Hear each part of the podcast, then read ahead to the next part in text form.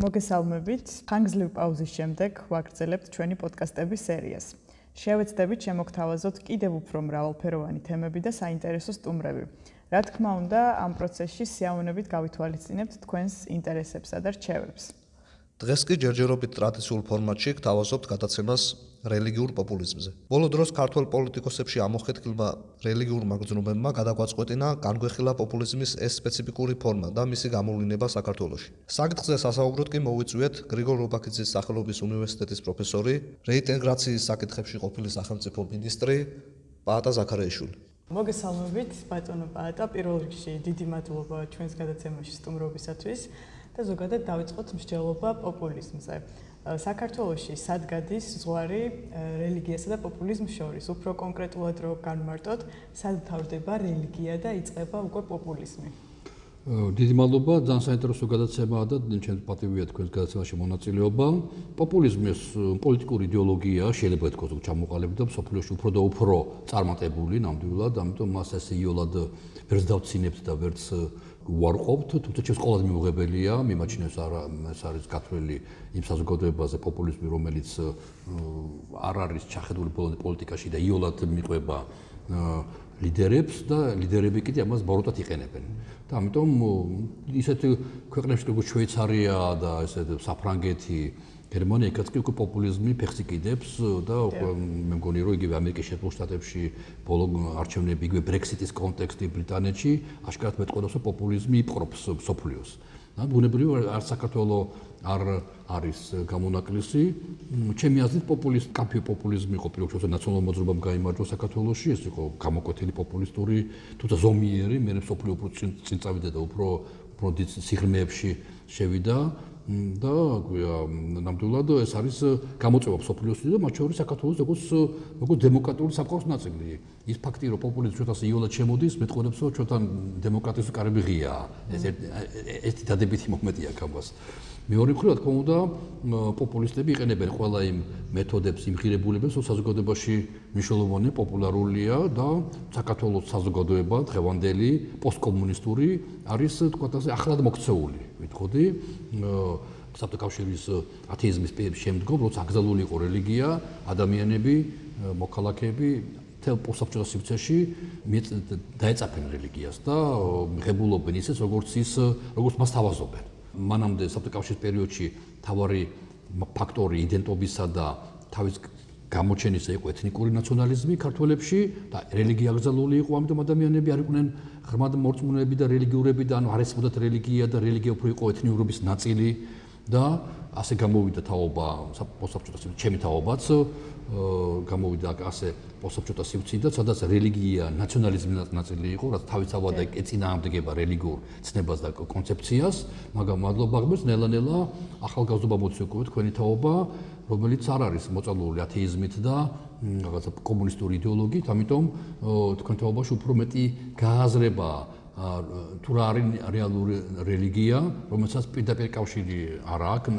ეთნიკურ ნაციონალიზმთან, და პირიქით ეწინააღმდეგება კიდევაც მას. ამიტომ საქართველოში დღეს არსებობს უკვე მეორე სერიოზული ფენომენი, როგორიცაა რელიგიურობა, ეთნიურობა, ეს ერთი ფენომენი იყო, სულ ესე იყო რუსეთის იმპერიაში ჩვენ მოხვდით მართლმადიდებულ იმპერიაში, ამიტომ ჩვენი მართლმადიდებლობა და აღსარებლობა იყო დაცული და ქართულებმა ვერ განიცადეს ძალიან რუსეთის იმპერიის ის სუსხი რაც ხובה განიცადა არა არა მართლმადიდებლებმა, მეტყოდი ასე, განსაკუთრებით მუსლიმებმა და როცა ამიტომ მხოლოდ კომუნისტური რეჟიმის დროს დაზარალდა მართლმადიდებლობა, ის როგორც ყველა რელიგია დაზარალდა, მარტო მართლმადიდებლობა დაზარალდა, ამიტომ ყველა გათანაბრდა უკვე არარელიგიურობაში. და ეხლა პირველ რიგში საშუალება, როცა ეთნიურობას პარალელურად მოყვება რელიგიურობა. საქართველოს ყოფილა როდოს ან იყო რელიგიურობა და არ იყო ეთნიურობა, ან იყო ეთნიურობა და არ იყო რელიგიურობა. ეხლა ორივე შემოვიდა, ორი ორი სერიოზული, აი დინარი ორი დინარი ერთმანეთს ერთვება.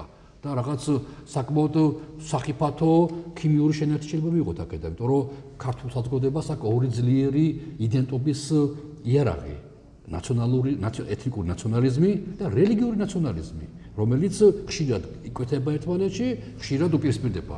ერთმანეთს. დამდოს გვავიწყდება, ეს მართლა გვავიწყდება, რომ საქართველოს სხვა რელიგიებიც არის ასევე მოყვება, ასევე ძლიერებია, ასევე თავის ისტორიული საფუძვლები გააჩერა, როგორც საქართველოს სოფლიოში, ისლამი მაგალითად. ჩვენ მას ყურადღებას საერთოდ არ ვაქცევთ. და ისე ვიქცევით თითქოს არ არსებობს. და ეს ეს ადრე თუ გვიან, იქაც ყავს თავის ახალგაზრდები, იქაც მოვიდა თაობა, რომელიც არ იყო გაზრდილი რელიგიურში ახლა იზრდება. და ისლამი ძლიერდება, ისლამი ახალგაზრდა რელიგია შედარებით ქრისტიანობაზე. და ის ჩვენთანაა, ჩვენს ჩვენი სამშობლოს ნაწილია. ბევრს ამის გაგება არ უნდა და ეს ცუდია რომ გაგება თუ გაგება გვინდოდეს გვექნება. ამიტომ აი პოლიტიკოსები ამას იყენებენ ძალიან ძალიან უმეცრად. მათ არიციან რა რელიგია. მე მათ ბევრს ვიცნობ, უმრავლესობას ვიცნობ და ამიტომ ხედავ როგორ სახიფათოდ იყენებენ აი ამ ქიმიურ შენაერთს ეთნიკურ და რელიგიურ ნაციონალიზმებს და ძალიან იოლად გამოაქვს საზოგადოებაზე ახლა მაგალითად ახლა მართლა თუ მაგალითები საჭირო ვილაპარაკოთ მაგრამ იგივე როცა ერთი პოლიტიკური პარტიის წარმომადგენელმა სერიოზული დააბრალა სხვას ის რაც თვითონაც არ არის. დიახ აი ზუსტად მაგალითთან დაკავშირებით მინდა გკითხოთ ну პოლიტიკის პოლიტოლოგები და ასე ვთქვათ ანალიტიკოსები სააკაშვილის ექს-პრეზიდენტის ამ განცხადებას უკავშირებენ ზუსტად იმ ტრენდის გამოვლენებას, რაც თქვენ ახსენეთ, რაც უკავშირ რაც არის მრავალ ქვეყანაში იგივე ტრამპი, ორბანი და ასე შემდეგ.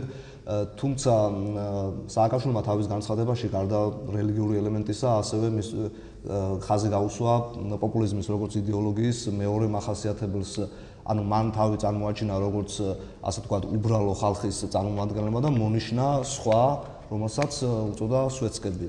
რამდენად დამაჯერებელი იქნება თქვენი აზრით საქართველოს მოსახლეობისთვის ეს დიქოტომია, სადაც სააკაშვილი დგას უხეშად რომ ვთქვათ უბრალო ხალხის გვერდით იმ ვითარებაში, როცა თვითონ იყო წლების განმავლობაში ამ იმ ხელისუფლების მეთაური, სადაც ეს ასე ვთქვათ, სვეცკები იყვნენ ამ თავრობის წევრები და მისი პირადი მეგობრებიც მათ შორის. კი ბატონო, ხო რა თქმა უნდა, ეს არის ძალიან საკითხო თამაში, იმიტომ რომ კაკათვიცნობს სააკაშვილო, ჩვენ ერთ პერიოდში ძალიან ახლოს ვიყავით კიდევ ერთმანეთთან და მაშინ როცა ის არ იყო არც არ საყოფილა რელიგიურ ჩემი აზრით. საერთოდ საქართველოს ძალიან ცოტა ადამიანს ვიცნობ რელიგიურს და ეკლესიურს მით უმეტეს, ეს უკვე სულ სხვა თემაა და ის არც ამ არც მალავდა და ეს იყო ჩაოლებრივი ამბავი და ეს ნორმალური იყო. ის როგორც ბოკერია სიტყვაზე და საკაშო ბოკერიას დააბრალა ის ის რასაც ის არასარ მალავს და თვითონ თვითონ მიიკასაკუთრა ის რაც არ არის. ესა შემაშფოთებელი. რომ უცებ გადავიდა იმ ბოსტანში მყანარში ცაცის მას არაფერი არ არ საქმე არამინ არცოს მას ასეთად. თან და რელიგიურობის ერთ-ერთ ნიშნა წარმოაჩენს ხოლმე ჯურისტარებას. ეს არის ნუ შეურაცხყოფაც კი გაკოწილად რელიგიის და შეურაცხყოფა იმ ხალხის ვისაც გონია რომ მას ამით გავლენას ახდენს. აი პოპულიზმის ძალიან ესეთ კაფიო გამოკვეთილი ფორმები როცა პოპულისტი დარწმუნებულია რომ მის ესეთ ზედაპირული ზერელე ცევა და პოპულისტებს კარგად იციან რომ ისინი რასაც აუცილებენ ინფორმაციას მას საფუძვლები არ გააჩნია ხშირ შემთხვევაში და მაგრამ იცის რომ ეს კარგად მუშაობს საზოგადოებაზე. აი მთელი ამ ამ ამ ეპიზოდის საშინელი მხარე არის ის, რომ ის დარწმუნებულია რომ თვითონ კი ესმის რა არის რელიგია და არაფერი არა, მაგრამ ვიღაც რეგიონები არიან საზოგადოებაში, ვიც იოლა დააჯერებს თავის რელიგიურობას და სხვის არა რელიგიურობას. მან ეს კარგად იცის. მე ერთხელ ჩემი ძალიან ახლო მეგობარი იყო შვანია, მე ჩვენი დსთ-ს გამო დავშორდი, თუმცა მე კონტაქტები მქონდა 99 99 წელს არჩევნების დროს მე მას ვთქვი რომ მე შეხმას არ მოგცემ ამის გამო რაღაც მის კამათი მქონდა. მან მითხრა მე შენს გათვლები არ მაქვს. და სწორი იყო. შენ ვინახა შენ შენ ერთ შენაი რამდენია საქართველოში? და მე შენს გათვლები არ მაქვს და იყო პასუხი იყო აი გამოაგნებლად სწორი. პოლიტიკურად ხო რა თქმა უნდა გადავხედით კიდეც სააკაშვილის სხვა განცხადებებს და აღმოჩნდა რომ ეს განცხადება არ ყოფილა პირველი. ციტატა შემიძლია მოვიყვანო. სააკაშვილს გაკრიტიკებული აქვს ბერა ივანიშვილის სიმღერაც სადაც ტექსტი არის ესეთი მე არ ვიცი რა სიკადრებს კაცი კაბით ვინ ჩემს საიდუმლოს იბარებს და მისი აზრით ეს იყო ეკლესიაზე თავდასხმა და ღიად დაუპირისპირდა ამ შემთხვევას. და თქვენ თქვენი გადმოსახედიდან მაინტერესებს პასუხი კითხვაზე ქართულ პოლიტიკურ როლზე როგორი ქმედება ითვლება არაქრისტიანულად? რა უნდა გააკეთოს პოლიტიკოსმა რომ მისი ქმედება არაქრისტიანულად ჩაითვალოს? ხო ძალიან საკუთარ ესეთი კითხვაა პრაქტიკულად ის ვინც მაგალითად არაქრისტიანულ გეთვლება ადამიანი, ვინც მაგალითად ეშქოში დააყენებს მამაოს მოსაზრებას, რომელიც როქში შემთხვევაში აბსოლუტურად აცდენილია сахарებას, ეკლესიის წესებს, კანონებს. მე ხმის სასულიერო აკადემია მაგ დამთავრებული და ჩემ თავსული სამწუხაროდ სამწუხაროდ მე საქართველოს კომპეტენტურად დაგვიქვევთ, თუმცა მე ვიცი ჩემი მინუსები რამდენად შორსაა, ჩემი ღვთისმეტყველური განათლება ნამდვილი ჭეშმარიტსაგან, მაგრამ სხვების ფონზე რაღაცა გამოურჩევისავი და ძალიან გული მწყდება, რომ ჩვენთან არის ღვთისმეტყველები, ვინც არ ლაპარაკობენ, ხა საზოგადოებას არ გამოდიან, ძალიან ცუდი, არა ღვთისმეტყველები არის ეს ეს ხალხია, ვინც ვისაც სახარებაში აქვს საზოგადოებაში მსჯელობენ, განიხილავენ, როგორც მაგრამ ისლამში უნიკალური სკოლებია. საქართველოს ქრისტიანობაში პრაქტიკულად განსაკუთრებით მართლმადიდებლობაში ეს ამომშრალია. და ამათ თავის მიზეზები გააჩნია, მართლმადიდებლობა უდიდესი დარტყმა იყო სოფლიო ცივილიზაციაში. მოკლედ ამ ფონზე ქრისტიანობა ძალიან ჩვენ და გახდა პაგანიზირებული. ანუ მოწყდა იმას აქვია თავის ფესვებს და სხვა ფესვებიდან მაგალითად იკვებება ნაციონალიზმიდან ქართული ეროვნული სახელმწიფოებრიობიდან სხვა სხვა ისტორიიდან მეფეების გმირობებიდან რაღაცებიდან რომელიც აფერი საერთო არ აქვს ხშირად ქრისტიანობასთან ამ ფონზე რა თქმა უნდა ყველაზე ხშირი მომენტია როცა ადამიანი მამაოს მოსაზრებას ეხმობა და როცა მებეულები სახარებიდან რაღაცას ამბობს უკაცო შენ იეღოველი ხო არა ხარ ანუ თუ შენ სახარებას ეხმობ იეღოველი უნდა იყო და თუ მამაოს ეხმობი შეღარ მართმადიდებელი ეს არის თქო უნდა ამიტომ ერთ-ერთი ჩემს ყოველთვის თვალსაჩინო მომენტია როცა მაგალითად და ეს ეს ხდება პოლიტიკოსები ძალიან ჩვენ პოლიტიკოსს ნახავთ რომელიც იტყვის რომ ჩემი მოძღვარი ესა და ესა და მოძღვარმა მითხრა რაც არის ჩემთვის რაღაც რაღაც ჩემთვის როგორც ქრისტიანისაც როგორც ადამიანს რომელსაც მაგ პრეტენზია რაღაცა მაინც მესმის ქრისტიანობაში მე ჩემს ქრისტიანობას უფრო დიდი მნიშვნელობა აქვს მართლმადიდებლობაში. მართლმადიდებლობა მე არ ვიცი რა არის. მე ვიცი მთელი ქრისტიანობაც მართლმადიდებლობა არის ერთი ღირსეული ნაწილი ქრისტიანობისა და არა არა ერთადერთი ფენომენი. თუ ასე შევხედავთ, მე მე ვხედავ, რომ ადამიანები საერთოდ ქრისტიანობაზე არ ლაპარაკობენ, ლაპარაკობენ კერძო რაღაც პრაქტიკაზე, მათ შორის ყვეყნობიან ცნობილ ეპისკოპოსებს, რომელთა ასევე საეჭო ქცევები აქვს ხოლმე სამწუხაროდ შეხედათ უამრავ სკანდალებს ეპისკოპოსებში. ეპისკოპოსი რომელიც ამბობს მაგალითად რომ იაკობი მაგალითად რომ მე რუსებს არ არ ვაყენებ წულწვაზე. ვინ ახარ შე არ აყენებ რუსებს მართლმადიდებლებია 1000 კილომეტრი აქვს გამოვლილი ჩამოვიდნენ და წმინდა ნინოს საფლავს თაყვანისცენ და შენ არ აყენებ? რატო? საწერია რომელ სახარებაში წერია რომ რუსია რო დააყენო ლოცვა. და ამას ამბობს ეპისკოპოსი. ეს კაცი არის უამრავი პოლიტიკოსის მოძღვარი ამ დროს. და ბევრი პოლიტიკოსი ტრაბახოს მისი რო ის არის მისი მოძღვარია მასწავლებელია და გამოგნოს იმას არაფერი საერთო არ აქვს ეკლესიურ ცხოვრებასთან და სახარებასთან ამიტომ რა თქმა უნდა ეს ყველაზე ჩემთვის შემაშფოთებელია როცა ადამიანი თუ ჯვარს არ ატარებ თუ რაღაცა ხილული ქცევები არ აქვს ქრისტიანობის როცა სახარება პირდაპირ გეუბნება რომ დოდოს იმარხვიდეთ ნუ იყოფით იმითაც გორგონი წუხარდათ ეჩორეკას და მარხველად არა? პირიქით უნდა მალავდეს შესაძლებლობას და შენ თუ არაჩვენებ ამას არა? შენ თუ ჯვარს არ ატარებ მე არ ვატარებ ჯვარს მაგრამ და მე ვამბობ კიდე რომ არ ვატარებ ჯვარს. და უკვე უკვე ახარ ახარ ქრისტიანი ამ ამ კატეგორიის ადამიანების თვალში თქო და ეს არის ეს ყველაფერი შედეგი იმისა რომ პოპულისტები აძლევენ თავის უფლებას ილაპარაკონ და გათვალონ ადამიანების ასეთ გაუთვიცნობიერებლოზე რელიგიაში. და არ არიან ეს არ არის პოპულისტების პრობლემა ეს არის სხვა ხალხის პრობლემა ვინც იციან რომ ეს ტყუეს პოპულიზმი და ასე არ შეიძლება. ისინი არ ეკამათებიან. მათ ეშინიათ რომ მას შენ არ ხარ ქრისტიანი შენ უცებ თუ რაღაცა თქვი შენ პატრიარქს ებრძვი მაგალითად სასულიერო აკადემიაში იყო რაღაც პრობლემები მე ჩართული ვიყავი და გვინდოდა ეს პრობლემები გაგვემუხტა პატრიარქი მას სწორად მოიქცა და გადააყენა რექტორი. მაგრამ აღმოჩნდა რომ თუ ჩვენ ებრძოდით პატრიარქს. და ებრძოდით არ პატრიარქს არ ებრძოდით აკადემიაში არსებულ პრობლემებს რის გამოც პატრიარქის სწორად თანახმა იყო ჩვენ. და რათა განმუხტა სიტუაცია ის კაცი გაუშვა ვინც ქმნიდა პრობლემებს. და ანუ მაშინვე უსებებძვი პატრიარქს და ეს ანუ ეს არის სამწუხაროდ ძალიან ხილული ზედაპირული შეფასებები, რაც არაფერი საერთო არ აქვს სიღრმისეულ ნამდვილ ჭეშმარიტ ქრისტიანობასთან.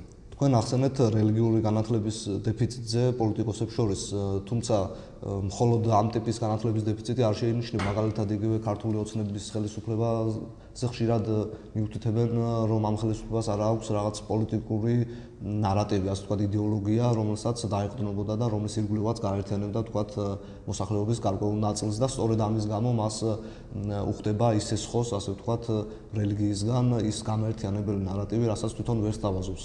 მოსახლეობას. თქვენ როგორც ყოფილი წევრი ქართული ოცნების ხელისუფლების რამდენად შიგნიდან ასევე ჩანდა თუ არა ეს პროცესი, როგორც თქვა, გარედან შეიძლება აღიქმებოდეს ქართული ოცნების და ეკლესიის დამოკიდებულება ამ კუთხით. მე ვიყავი უფრო კოალიცია ქართული ოცნების დროს ხელისუფლებაში, კოალიციაში რამოდენ პარტია იყო, ერთმანეთს აბალანსებდნენ. მაშინ ხელისუფლება იყო ჰორიზონტალური იყო და ერთმანეთს დაბალანსებით რაღაც, რა თქმა უნდა, გამორჩეული იყო არა პარტია ქართული ოცნება, არამედ ბიძინა ივანიშვილი. მაგრამ მაინც ის ანგარიში უწევდა ცნობილი და სერიოზული პარტიები იყო, თავისუფალი დემოკრატები, რესპუბლიკური პარტია, თავის ლიდერები და თავის შიდა რაღაც გარკვეული მომენტებით. და მაშინ მე მგონი რომ იყო საკმაოდ პირობითად დაბალანსებული სიტუაცია, არ იყო არც ანტიქრისტიანული და ანტიეკლესიური რაღაც გამოსვლები და არც პრო და რაღაც განსაკუთრებულად ქრისტიანული, მაგალითად, ეხლა რაც მაგალითად სიტყვა ზამხშია ჩანს ხო ბიზნესში ვსებთ არ ჩანს. საზოგადოება თუ გამოჩნდება უგლების იმაში გარემოცვაში ხო? მაგრამ აბასუ და არ მარტო სხვაგან ეს მეტყველებს იმას რომ რაღაც შეიცვალა სიტუაცია ადრე ეს რაღაც ახლა ისე ეს პოპულიზმის ფორმაა. კაცი რომელიც არ ჩანს საერთოდ თითქოს არა პოპულარულ და არ ფიქრობს თავის პოპულარულობაზე როგორც კი გამოჩნდება როგორ ყოველთვის არა მაგრამ ხშირ შემთხვევაში საზოგადოების წინაშე გამოჩნდება ეკლესიის აა მესორებთან ერთად რაც სწორედ ამ თემას ამყარებს კიდე რომ ყველა მიცის რომ რა დროს პოლიტიკა, რა დროს პრეზიდენტია, რა დროს პარლამენტია, რა დროს თავრობა, ეკლესია წამყვანი ფაქტორი და ვინც მასთან კარგად გადაიღებს სურათს საზოგადოებაში, აი ამ არა გათვისნობ საზოგადოებაში ეს ეფექტს გამოიწვევს. რომ საზოგადოება მიცის, უნდა იცოდეს, არ იცის. უნდა იცოდეს, ეს არ არის თავარი ეკლესიაში და რელიგიურობაში. ჯერჯერობით საბრძოლოება მას არ უნდა უწყობდეს ხელს ეს უკვე კიდე ერთი პრობლემა პოპულიზმისა მეორე მხარეა ის რომ ხელს არ უწყობდეს მაშინ ისინი ვერ გამოიყენებდნენ ამას და და საკმაოდ გამოვა საბრძოლელი და რაღაცა სიტყვის რომელიც არაფერი საერთო არა აქვს იგივე სახარებასა ჩვენ სახარებაა ჩემს თავარი და პირველ პირველ 9 საუკუნის წმინდა მამების ცხოვრებაც კი არა და უფრო მოღვაწეობა ან მათი როგორ ეკლესია როგორ პირველი სოფლიო კრებები ნუ 8 სოფლიო კრების შედეგებზე დაფუძნებული მიღებული გადაწყვეტილებებია რა დღევანდელ ეკლესიის სახის ქმნის. მაგრამ აბსოლუტურად არ ხდება არც დაყნობა ამ ამ კრებამ ეს თქვა ამ სახარებაში ესწერია მოციქულმა ეს დაწერა არაფერი ამ ტიპის არანაირი ციტატები არ მიმდინარეობს. საკმარისი ხუდელი იყო შეგურში რომ უკვე ეს უკვე ლეგიტიმაციის საკმაოდ მაგარი ფორმაა დიახ, შეგვიძლია გავიხსენოთ მაგალითიც, როდესაც ბიძინა იმანშვილმა კამერების წინ გამოაჩინა ჯვარი, ან სალომე ზურაბიშვილი, რომელიც ესე ვთქვათ, ჯვრით აღჭურვილი გაუძღვა. მაგალითები უამრავია ხო ასევე პარაკლისების სხვადასხვა პოლიტიკური ლიდერების მიერ. თქვენი აზრით მაინტერესებს, რამდენად იყიდება ეს მოჩვენებითი და ხშირ შემთხვევაში ისტერიული ქრისტიანობის ფორმა მოსახლეობაში და კმარა თუ არა სანთლის დანთება. ეს სიმბოლური აქტი თუ კონკრეტული კავშირებია საჭირო მაგალითად სასულიერო იერარქიის წარმომადგენლებთან. სანთლის დანთება პეჟოს გადაწერა ხატ ხატზე მთხვევა მუგზეთ გომა სანთლის ყველაფერი ეს მე მგონი საბჭოებას ახდენს. იმიტომ რომ როგორც კი პოლიტიკოსები ჯერ პოლიტიკაში არ შემოსულა, მაგალითად სალომე ზურაბიშვილი ვიდა შემოვიდა პოლიტიკაში, მან ერთ რაღაც ასეთი უცნაური ტერმინს ჩემს ამბობს მნიშვნელობა არ აქვს, მაგრამ მაგალითად მართლმადიდებლობა სწორად არ თქვა და მართმა მართმა მართმადიანი ახსენა. ხო, ეს აშკარა შავს ეს მისი ტერმინი არაა. ამაში ტრაგედიას ვერ ხედავ ვერანაირს. არ არის და არ არის მე რამბლოდ პატრიოტიზმ ადამიანს რომელსაც პირდაპირ კავშირები არ აქვს და არ საინტერესებს ეკლესია და ნორმალურია. მაგრამ როცა მე ამის შემდეგ ავს, როცა აშკარად აგზობებს საზოგადოებას შენ ეს ტერმინები შენს მნიშვნელოვანი არაა და ამ დროს უცებ შენ თითქოს ფეხშიშველი 5-6 ჯურით დახუნძული წმინდა ნინოს გზას დადგახარ ეს უკვე ცინიზმია. ეს უკვე აშკარ პოპულიზმს აი ყველაზე უკუღმართი ფორმაა პოპულიზმის ახლა მე არ მინდა ბიზნესში დავიცვა, მაგრამ წინასაარჩევნო კამპანიაზოს გააკეთა მან ეს, როცა აიზულეს რომ ის ატარებს ნამდვილად ჯვარს ვიცი და ამიტომ არ გაუჭირდა ჩვენებინა ის რაც წინასწარ არ დაიკიდა, ანუ შეშოთხოვით არ გავიტყვი რომ მე მე არც ვატარებდი და მე შეგნებულად როცა ვნახე ესენა და მივხვდი რომ შეიძლება მე მე წინასწარ მე კეთს ვიხრეთი მაშინ და წალტობოში და მთელი პერიპეტიები იყო, მაგრამ მე ძლიერი ჩემი აზრით იმდენ ძლიერია რომ მაგალითად ჟურნალისტს გავუკლავდები. ამ დისკუსიებში და ამიტომ შეგნებულად არც კი მიფიქრია, მოდი ახლა მაინც ჩამოვიკიდებ ჯვარს, რომ რაღაც უხრებულობაში არ ჩავარდე. დიახ, ანუ ეს სიმბოლური აქტები იყიდება. იყიდება ძალიან, ძალიან კარგად, ძალიან ეფექტური. კონტაქტები სასულიერო იერარქიის წარმომადგენლებთან და კიდე მეტად, თუ გაქვს შანსი, რომ კიდე აღმოჩნდე რომელიმე ეპისკოპოსთან თან, მით უმეტეს პოპულარულთან ხო კარგი, თუ პატრიარქის გვერდში აღმოჩნდები, საერთოდ ეს ხო უკვე მორჩა გზას სასულიეროში გზა უკვე გარანტირებული გაქვს, შეიძლება ასე ითქვას. და ეს საწყისებს რომ დაუბრუნდეთ იგივე საკონსტიტუციო შეთანხმებას, რომელიც დაიდო 2002 წელს მართლმადიდებლურ ეკლესიასა და სახელმწიფო შორის თქვენც ჩართული იყავით ამ პროცესში. მე მემბრალდება და მე მე სიმართლე და ვამაყობ ამით. ბევრი იბრალებს, სააკაშვილიც იბრალებს და ასე შემდეგ და ანუ ყველა ყველა ყველა ბუზი სუისო, ფუტკათა ყველა ტყუისო. და იდეა ჩემი იყო და მე მე ყველა კარგად იცის რომ მე ვერ მე თუ მეტეს რომ იცით ეს პროცესები, თქვა როცა მუშავდებოდა ეს შეთანხმება, იკვეთებოდა თუ არა რომ პოლიტიკოსებს სურდათ მისი გამოყენება პოპულისტური მიზნების თქვა იგივე სააკაშვილს ან სხვებს. მაშინ თუ ჩანდა ესე. კი კი არა ჩანდა იმიტომ რომ ის პირველადი ხელშეკრულება შეიცვალა სამწუხაროდ უფრო ნო ზომიერი იყო უფრო დაბალანსებული იყო მე უკვე მაშინ მოქალაქეთა კავშირი იყო და მოქალაქეთა კავშირმა მე ჩაიგდა ხელში. მე ძალიან დიდხანს გამიჭირდა ეკლესიისთვის დამეჯერებინა რომ ჯობია. მან დარჩევანი იყო ან ხელშეკრულება ან კანონი სახელმწიფო რელიგიის. ხო, ხო და ამიტომ ასე იყო არჩევანი და მე ჟოვანეს დაველაპარაკე და უთხარი ამიტომ ხელშეკრულების წავედით, ამიტომ და ეს იყო პრინციპული შეუძლო, რომ კანონს ლაპარაკი რო ყოფილიყო, შეიძლება არც ხელშეკრულება არ ყოფილიყო, მაგრამ კანონი რო და ძალიან რუსული ყაიდის კანონი და გუზუჩაში იყო, მაშინ მიღებული ხუთი ეკლე ხუთი რელიგიური, ისე ქვია, პოზიციისთვის და ამ ფონზე მოხდა ის, რომ ქვია, ჩვენ წავედით ხელშეკრულებისაკენ. ჯერ ძალიან გაგვჭირდა ეკლესია, ეკლესიას ეკლესიას წვებოდა სწორედ კანონს. მას უნდა დავაჯერეთ ხა იქიდან ვიყავი მე თვითონ პატები დალაპარაკე ეპისკოპოსებს იქეთ აქეთ რაღაც ლობიზმის რაღაც ლობისტურ რაღაც საქმე რომ განხორციელა და შევთანხმდით რომ ხელშეკრულებით და შემდეგ შემდეგ უკვე ჩაერთო თავრობა. ამასობაში უკვე მოქალაქე კავშირი იყო ძლიერი ღონიერი და ნუ ხა თუ ვინმე შეუძლია მეორე კაცი მით შეიძლება თქვას ჩემ შემდეგ რომ რაღაც ჩემი წული შემიტანო ეს არის წერეთელი მან გიგიწერეთ გიგიწერეთება მართლა ბევრი მოდ გააფუჭა. ჩემი აიღო ჩემი აზრი მას უკითხო პირიქით. იმიტომ რომ მე და ოთარ ზოიძე ცნობილი ადვოკატია და ესა ნოტარიუსია გამორწმული ერთ-ერთი კაი იქნება თუ ჩაწერთ მათ ერთ-ერთ პოდკასტში, მე მგონი გირჩევთ ამას. ოტარსოიძე და დაწერა ძალიან კარგი ჩემი არის, გვაქვს ანგლიურ კომპიუტერში მაქვს შენახული პირველი ვარიანტი, რა თქმა უნდა, იდეალური არ არის, მაგრამ პირველი ვარიანტი უწყოსი მაინც უფრო სუსტია, მაგრამ უკეთესია ვიდრე შემდეგ წავიდა. ამიტომ იყო პოპულისტური იდეები ჩადებული, მაგრამ მაშინ ჯერ კიდე ხელისუფლება ანუ სააკაშვილი არ იყო ხელისუფლება, შემდგომ და შევანაძე ამას უყურებდა უფრო პრაგმატულად ვიდრე პოპულისტურად. თორსა მასაც მან ვერ ვერ პატრიარქი უფრო ეკაჩებოდა პოპულიზმში მას, რა იმე მოუნათლე ედუარდი ახლა არის გიორგი და ასე შემდეგ ეს მომენტები არის და გიორგი და და ეს არ უკადრესო და რაღაც ვერ ამბობდა რომ მე გიორგი ვარ და აღარა ვარ ედუარდი ანუ ვერ ვერ ერთვებოდა პოპულიზმში და მაინც პატიოსანი კომუნისტი იყო ვიყოდი ამ მარტოები და ვერაზლევა თავისას უფლებას რომ ახლა შევიცვალე ნუ ეს ეს კარგად ახასიათებს მას რომ ვერ გადმო ვერ გადავიდა ასე აღვირახსნილა ასე ამიტომ ამ კონკორდატის მიღება რა კონკორდატი არ ქვია ჩვენ ვეძახეთ საფოლკლორო პროცესს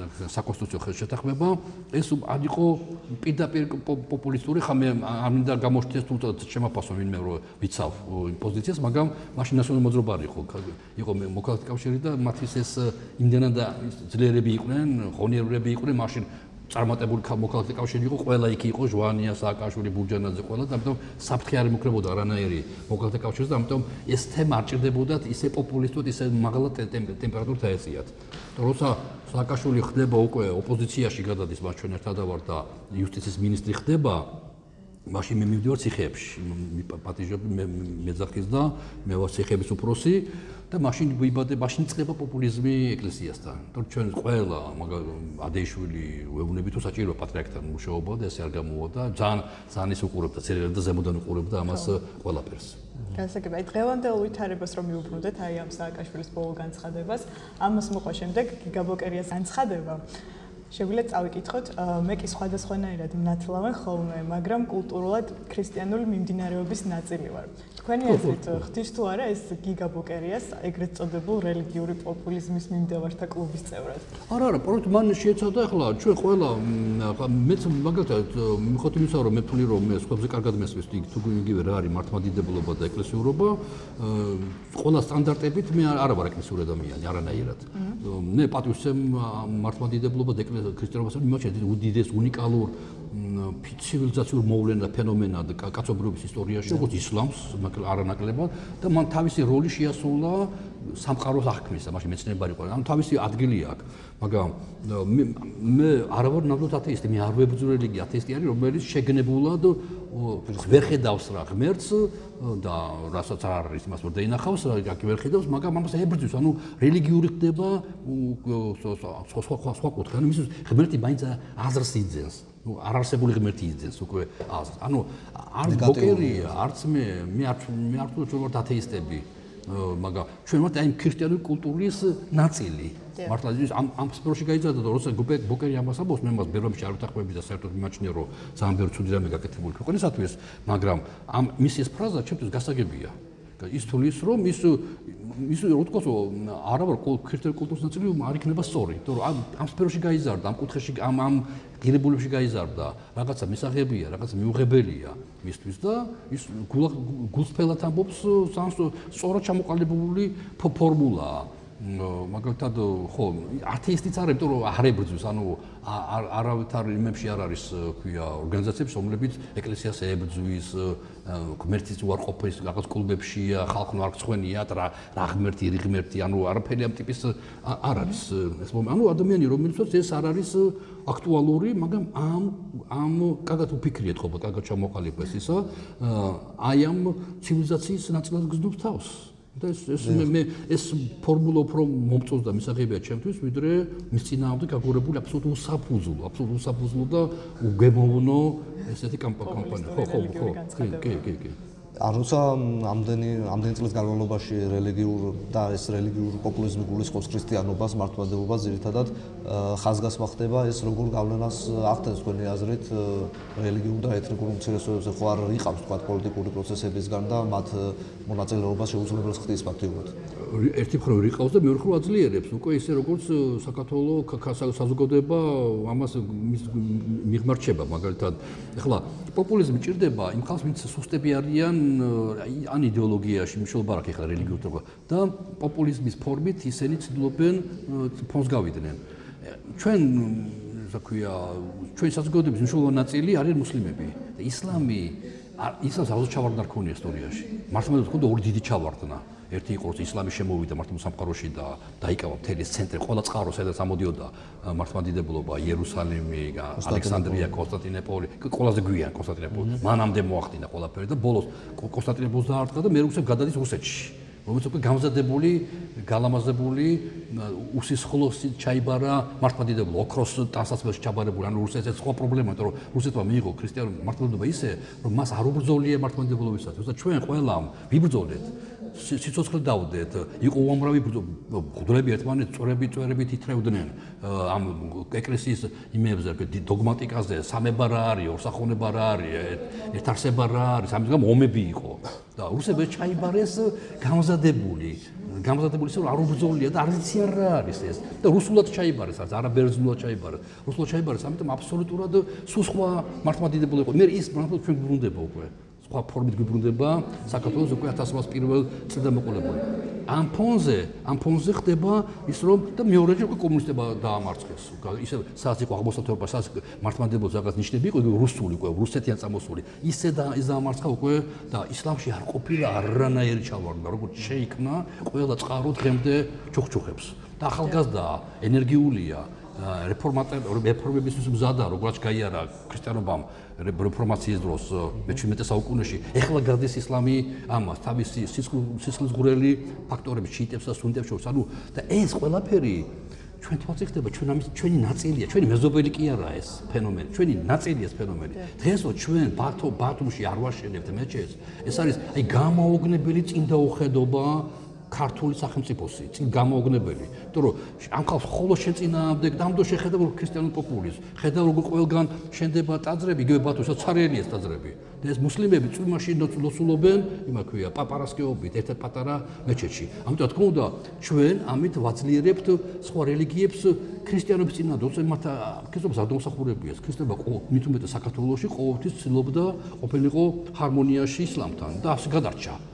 სამი სამეფო ყოლდა ჩვენ საქართველოს და სამი სამეფო იყო ქრისტიანული და ამით გადარჩა ყველაფერი ეს. და ამიტომ მე თქმა უნდა ეს ძალიან სერიოზული წინ დავხედავინა ბიჭის პოპულიზმის უარყოფითი ბნელი მხარე, ანუ ჩრდილოჩრდილოვანი მხარე ჩვენ ვერ ხედავთ ამას. დიახ, აი ბოლოს 2020 წლის მოვლენებთან დაკავშირებით გითხავთ. ეხლა უკვე ბევრი პარტია იწყებს მზადებას სამომავლო საპარლამენტო არჩევნებისათვის. თქვენი აზრით არსებობს თუ არა პერსპექტივა დღევანდელი გადმოსახედიდან საქართველოში რომ არამართმადიდებელმა პოლიტიკოსმა მიაღწიოს წარმატებას ანუ შეძლოს ელექტორატის გულის მოგება სამწუხაროდ არამართმადიდებლობის მაგალითად აი არაეკლესიურობის დემონსტრირებით ვერავინ ვერ მიაღწევს წარმატებას ეს ძალიან ცუდი ნიშანია თორ ჯერჯერობით არ არის საზოგადოება მზად რომ ადამიანს ამის გამო მხარი დაუჭიროს თუმცა მოვა დრო როცა ადამიანი თქვენს რომ ჩვენი სოციალურ საკითხებში უმუშევრობობიშულოვანია ეკონომიკური საკითხები ვიდრე ეკლესიურობა. ამიტომ ამიტომ მე არ ვაპირებ სიტყვაზე გუდელთან სურათი გადავიღო. ეს არ არის ჩემი პარტიის ამოცანა, ჩემი პარტიის ამოცანა გადავიღო უმუშევართან სურათი. ჩვენ ჩვენ აქამდე არ არ ვისურვებთ, ჩვენთან არ არის ჩვენთან არ არის იდეოლოგიური პარტიები არანაირად და მემარცხენეები, მემარჯვენეები, ცენტრისტები და ასე შემდეგ. ამიტომ რა თქმა უნდა ეს არის ჯერ ამ შემთხვევაში, მაგრამ ეს არ ჩემი უნიკალური იმით რომ პროპორციულ სისტემაზე გადავდივარ და ამიტომ შანსები მომოვარ თუ 24 წლისათვის უკვე თუ მანამდე აბადამდელი არ ჩატარდა. 24 წლისათვის უკვე მივიღოთ უფრო ამ ტიპის რაღაც რომ ვიღაცამ ნახოსო. ჯობია მოდი მოდი ხა ვიმუშავებ. მე არა ეკლესიურობაზე არა ანტიეკლესიურობაზე არამედ რომ არა დაცლილი ვარ მე ამისგან რა ამჭირდება მე ეს. მე სხვა ჩემი ამოცანებისთვის ამჭირდება ვიღაცების გვერდში სურათი გადავიღო და ეკლესიები ვაშენო. სხვა რაღაცები ჭირდება. მე მგონი რომ 24 წელსაც იმედია ამ ტიპის უკვე ახალგაზრდებიდან წამოვა ამ ტიპის პარტიები. იმედია ნამდვილად. დიდი მადლობა რომ დავთანხმდით თქვენ საუბრა. მე მგონი საინტერესო საუბარი გამოგვივიდა და მომავალ შეხვედრამდე. დიდი მადლობა. მადლობა. თქვენ ძალიან აკეთებთ და წარმატებას გისურვებთ. მადლობა.